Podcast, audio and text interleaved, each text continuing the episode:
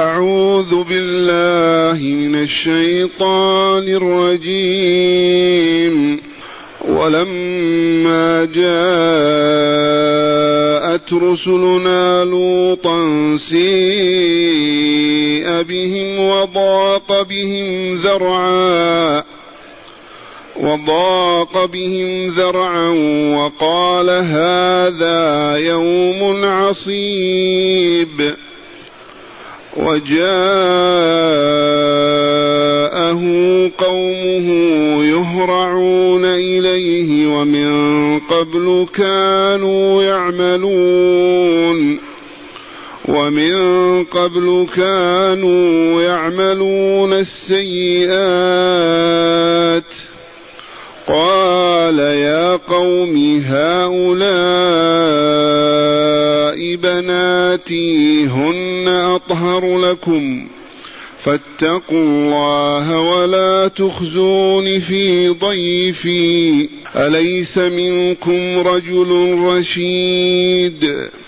قالوا لقد علمت ما لنا في بناتك من حق وإنك وانك لتعلم ما نريد. قال لو ان لي بكم قوه أو اوي إلى ركن شديد.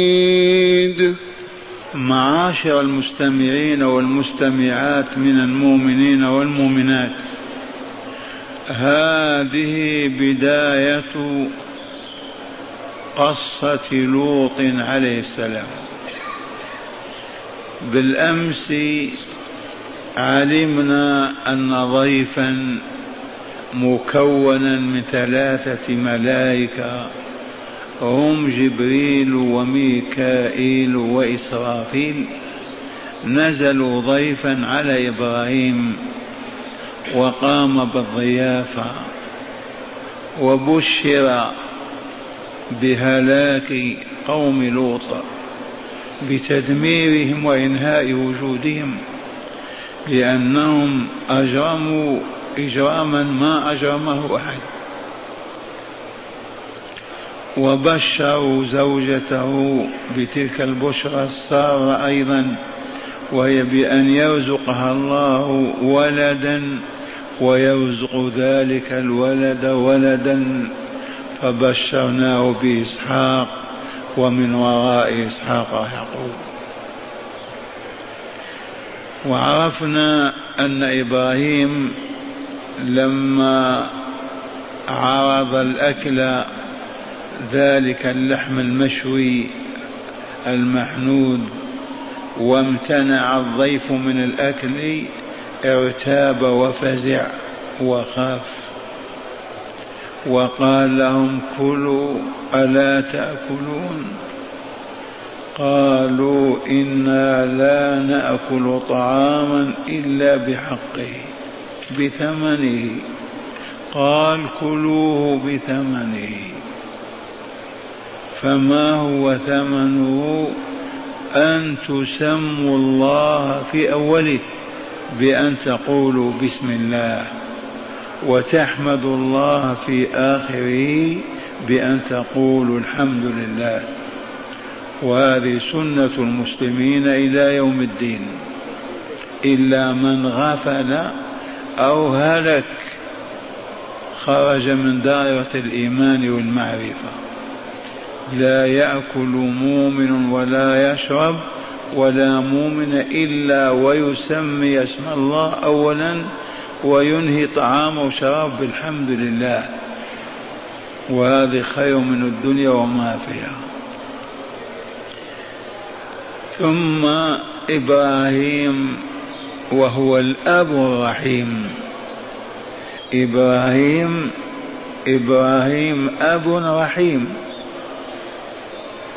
فما أطاق أن تدمر سدوم وعمورة تلك المدن. وفيهم مسلمون وفيهم مؤمنون شفقة عليهم ورحمة بهم أخذ يجادل الرسل الملائكة. كيف تفعلون وفيهم خمسون؟ قال لا نفعل به إذا فيهم خمسون. وإذا أربعون وإذا ثلاثون وإذا عشرة قالوا وليس فيهم عشرة. قال إذا بئس القوم الذين لا يوجد فيهم عشر مسلمين. وقال إن فيهم لوطا قالوا نحن أعلم بمن فيها لننجينه وأهله إلا امرأته. أهله عرفنا أنهم زوجته وبناته. إلا امرأته كانت من الهالكين إذا وذهبوا إلى ديار لوط إلى مدن سدوم أو عموها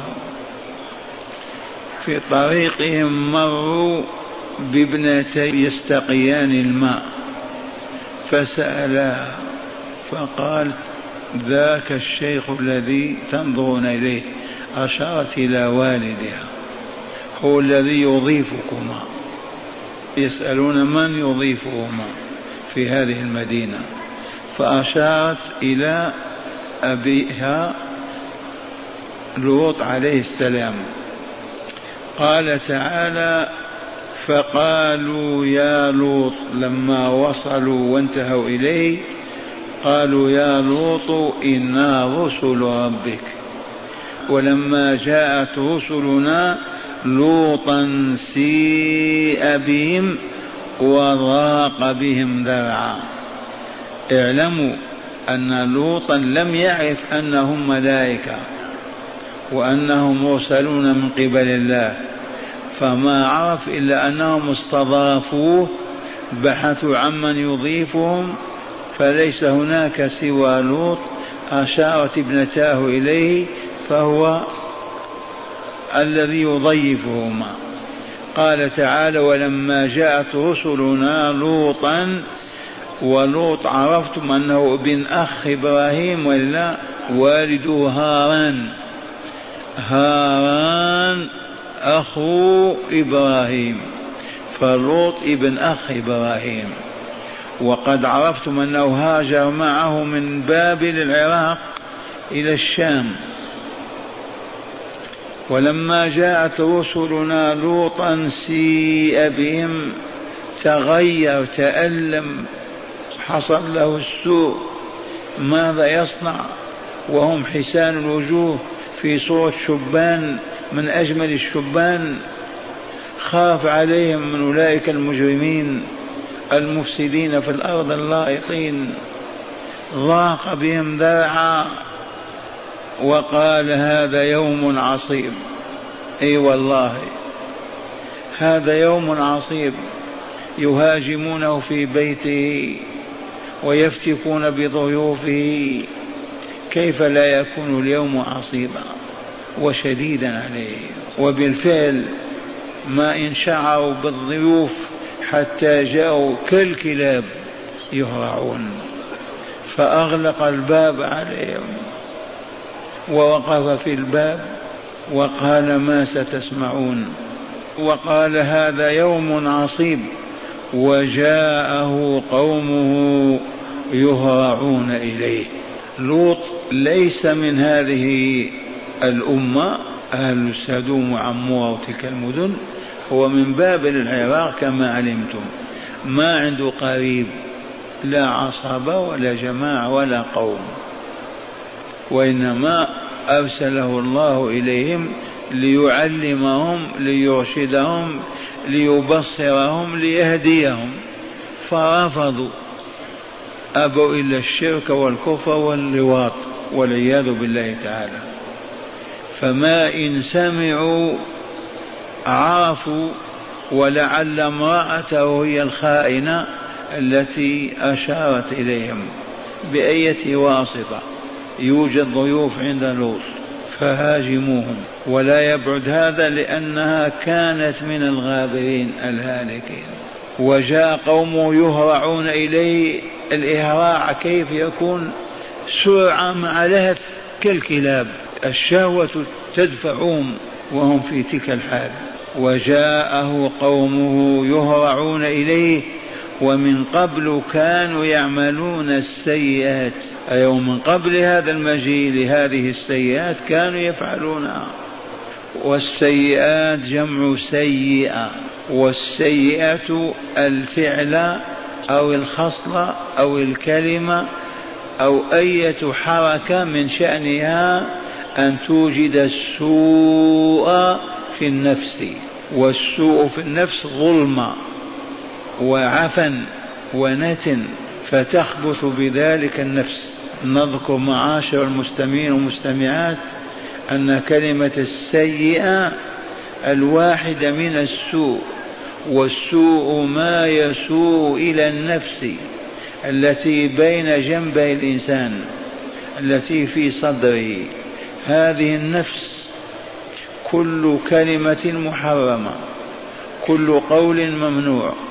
كل حركة ذهابا أو إيابا محرمة كل أكل كل شرب كل عمل حرمه الله ونهى عنه وتوعد فاعلاه بالعذاب هو سيئا.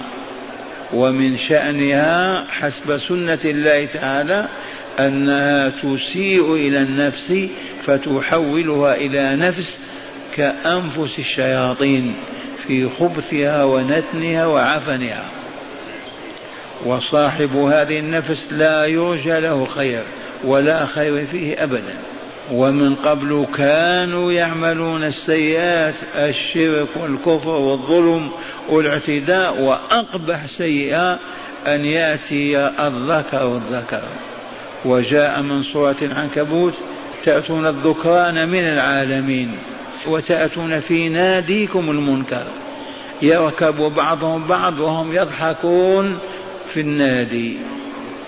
ويروى أن من علمهم هذه الجريمة هو إبليس. فلم تعرف البشرية قبله.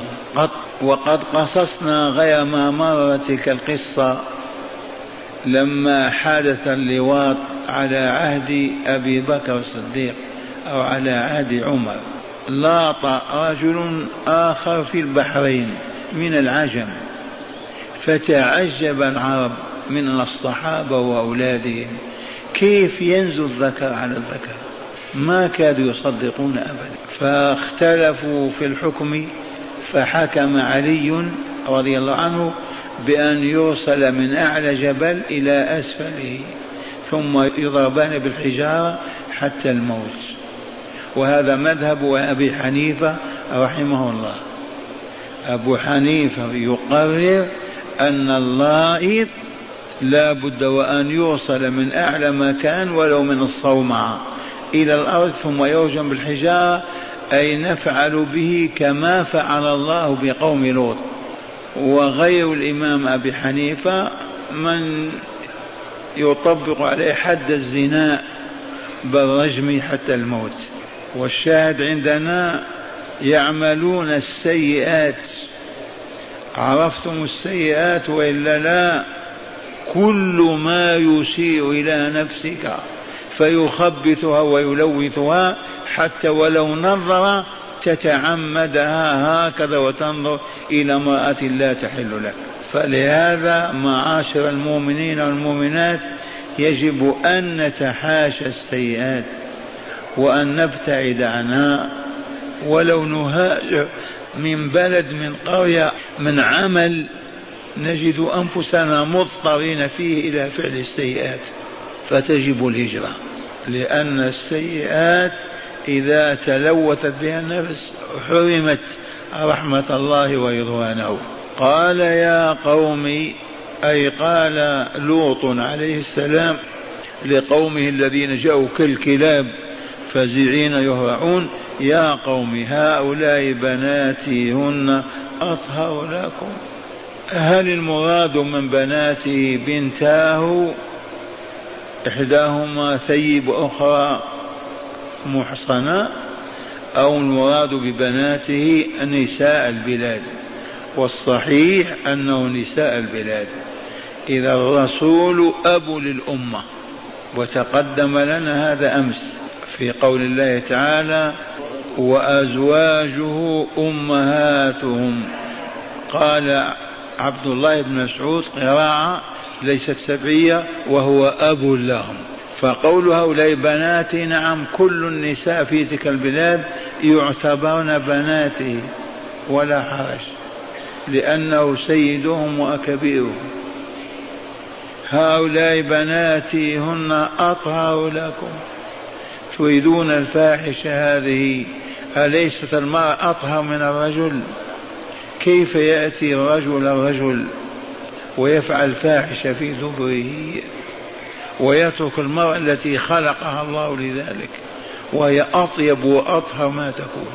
ولا عجب بلغنا أنه يوجد في أوروبا أندية اللواط هذه الجريمة نذكر قول عبد الملك بن مروان وهو يخطب الناس على المنبر في دمشق فأقسم بالله قال لولا أن الله تعالى ذكر قصة قوم لوط ما كان يخطر ببالنا أن الرجل ينزو على الرجل أن الذكر ينزو على الذكر أبدا. وكانت للعرب همة امتازوا بها من ذلك أنهم لا يوجد في ديارهم البغال. البغال توجد في مصر في الشام في فرس في جزيرة العرب لا يوجد بغل ولا بغلة. حتى أهدى المقوقس بغلة بيضاء إلى النبي صلى الله عليه وسلم تسمى الدلدل. لماذا ما توجد البغال؟ لأن العرب لا تطيب نفوسهم ولا تسمح لهم أن ينزوا الحمار على الفرس. ما يستطيعون أبدا ولا يقبلون أن ننزي الحمار على الفرس حتى تلد بغلة. وبلاد العرب والمسلمين والحمد لله أقل ما يوجد من هذه الفاحشة والعياذ بالله. ويجب ألا توجد. وجزاء هذا الفاعل الإعدام حتى ولو كان صبيا. للحديث إذا وجدتم من عمل عمل قرط فاقتلوا الفاعل والمفعول. والشاهد عندنا قال يا قوم هؤلاء بناتي هن أطهر لكم فاتقوا الله ولا تخزوني في ضيفي. اتقوا الله خافوا عذابه وغضبه وسخطه. أن ينزل بكم عذابه واتقوا ولا تخزوني في ضيفي. وقد تقدم بالأمس أن الضيافة من شعار الإسلام والمسلمين وأنها من واجبات هذه الأمة. وأن الضيف يجب أن يكرم وأن يحصان ماله وأن يحفظ فلا يؤذى لا في ماله ولا في عرضه ولا في دينه. لأنك تستضيف وتؤذيه. فهذا رسول الله لوط صلى الله عليه وعلى النبي وسلم قال لقومه فاتقوا الله ولا تخزوني في ضيفي. وهو عند الباب يدفعهم. ثم قال لهم أليس منكم رجل رشيد؟ ذو عقل ذو وعي ذو بصيرة ذو رشد بعيد عن السفه والحمق والطيش. ما يوجد فيكم رجل بصير؟ قالوا لقد علمت ما لنا في بناتك من حق. هذا هو الجواب.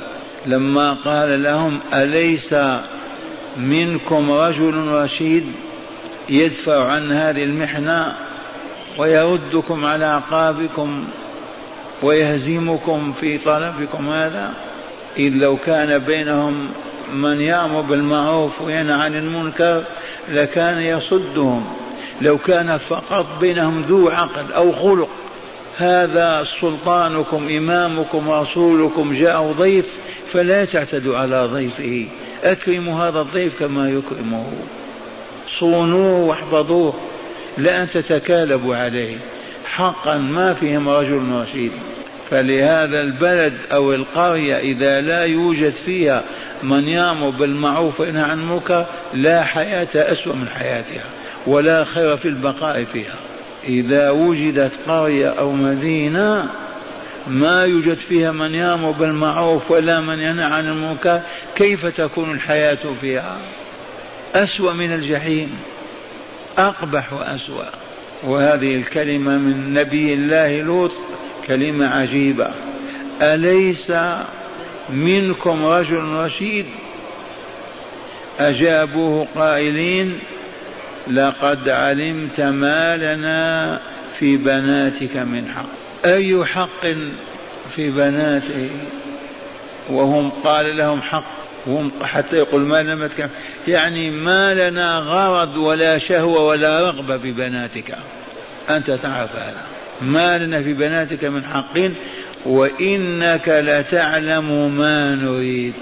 ما نحن بأزواج لبناتك ولا نطالبك بذلك ولكن تعلم ما نريد. قال فما خطبكم أيها المرسلون قالوا إنا أرسلنا إلى قوم لوط إلى قوم مجرمين لنرسل الحجارة من طين مسومة عند ربك المسرفين فأخرجنا فيها من كان فيها من المؤمنين فما وجدنا فيها غير بيت من المسلمين. قال فما خطبكم أيها المرسلون؟ من القائل؟ هذا لوط أو إبراهيم؟ لوط.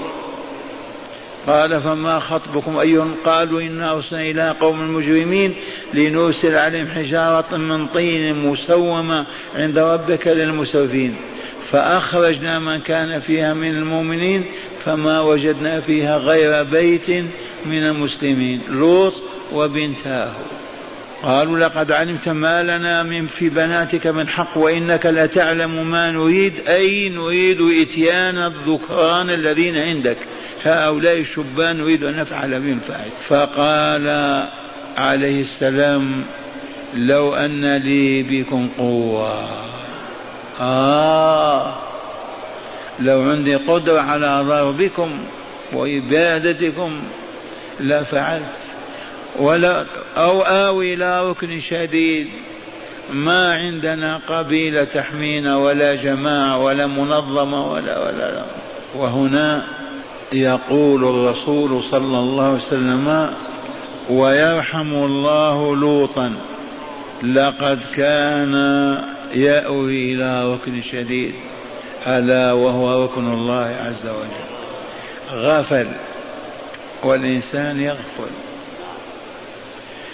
وفي هذا يقول الرسول في حديث البخاري ومسلم يقول نحن أحق بالشك من إبراهيم. نحن أحق بالشك. يعني إذا كان إبراهيم يشك فنحن أحق بالشك منه ولكن ما شك إبراهيم. إذ قال رب أرني كيف تحيي الموتى؟ قال أولم تؤمن؟ قال بلى. ولكن ليطمئن قلبي. قال إذا فخذ أربعة من الطير فصرهن إليك ثم اجعل على كل جبل منها جزءا ثم ادعوهن يأتينك سعيا. وبالفعل فعل. أربع طيور قتلهم ذبحهم قسمهم ووضع كل جزء على جبل ثم ناداهم والرؤوس بيده فيأتي الطير ويلصق رأسه به. فلهذا يقول الحبيب صلى الله عليه وسلم نحن أحق بالشك من إبراهيم. ما شك إبراهيم ابدا. إذ قال رب أرني كيف تحيي الموتى؟ قال ولم تؤمن؟ قال بلى مؤمن. ولكن من أجل أن يطمئن قلبي لنشاهد العملية كيف تتم. وقال صلى الله عليه وسلم ويرحم الله لوطا لو كان قد آوى إلى ركن شديد. هو قال أو آوي إلى ركن شديد ما عندي. نسي الله عز وجل. أو آوي إلى ركن شديد. وقال ولو لبثت في السجن ما لبث يوسف لأجبت الداعي. لو أنني سجنت كما سجن يوسف سبع سنوات جاني الداعي يقول اخرج والله نخرج.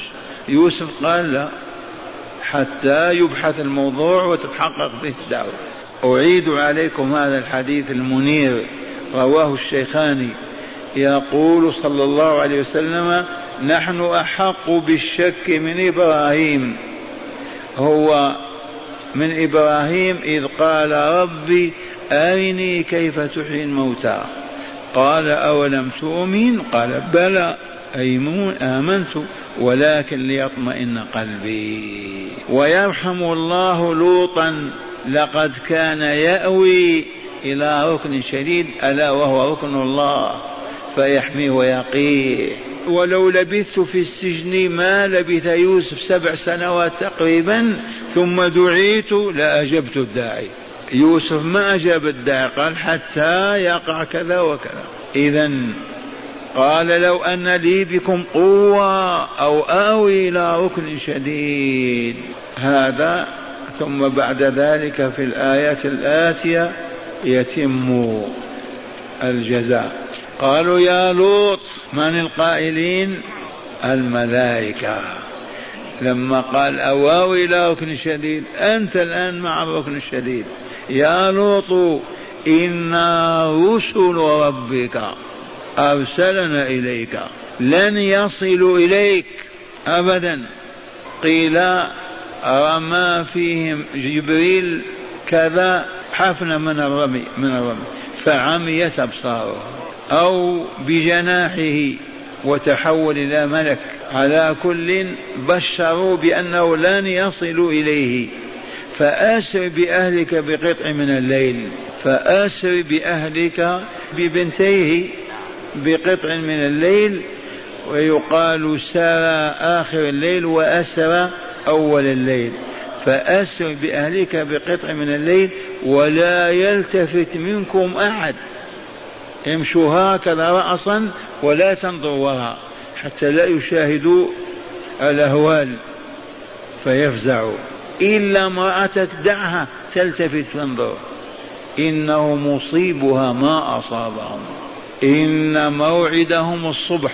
أليس الصبح بقريب؟ وهم في أول الليل؟ بلى. فلما جاء أمرنا جعلنا عاليها سافلها. لا نسأل كيف؟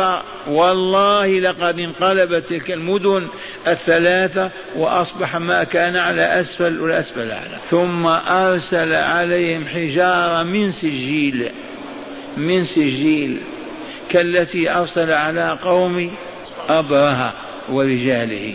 حجارة من سجيل منضودة منظمة مسومة أيضا معلمة مطبوعة. كل واحد الحجارة باسمه. عند ربك. وما هي من الظالمين ببعيد. هذا الكلام هنا وما هي من الظالم بعيد. من قال هذا؟ هذا قاله الله ليلفت نظر المشركين ليلفت نظر الغافلين ليلفت نظر الآيسين وما هي من الظالمين ببعيد. هذه النقمة الإلهية بعيدة من الظالمين. والله لتنزل بهم وبساحتهم ويصابون بالبلاء والشقاء. كل من ظلم وخرج عن منهج الحق لا بد وأن يصاب بهذا. قولوا لما؟ لأن الظلم وضع الشيء في غير موضعه. وضع الله منهجا للبشرية يجب أن تسلكه. رفضوا خرجوا عنه. والله لا بد وأن يهلكوا. بأي نوع من أنواع الهلاك والعذاب.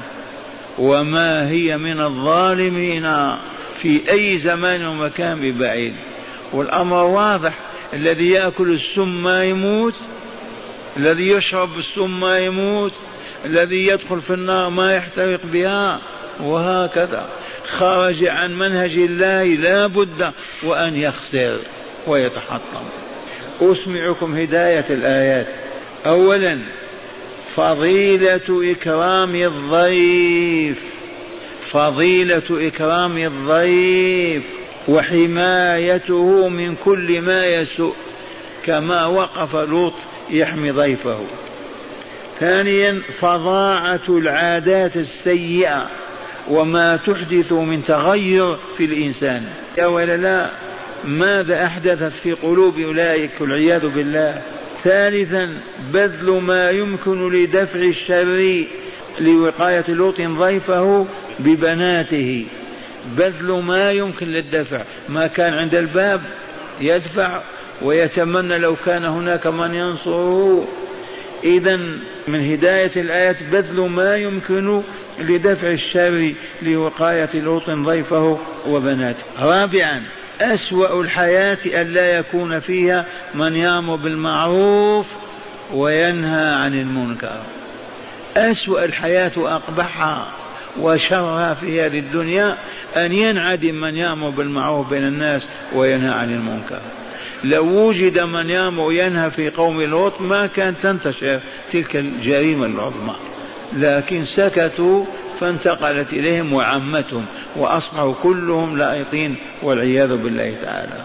خامسا إظهار الرغبة في القوة لدفع الشر وإبعاد المكروه ممدوح هذا. محمود ممدوح.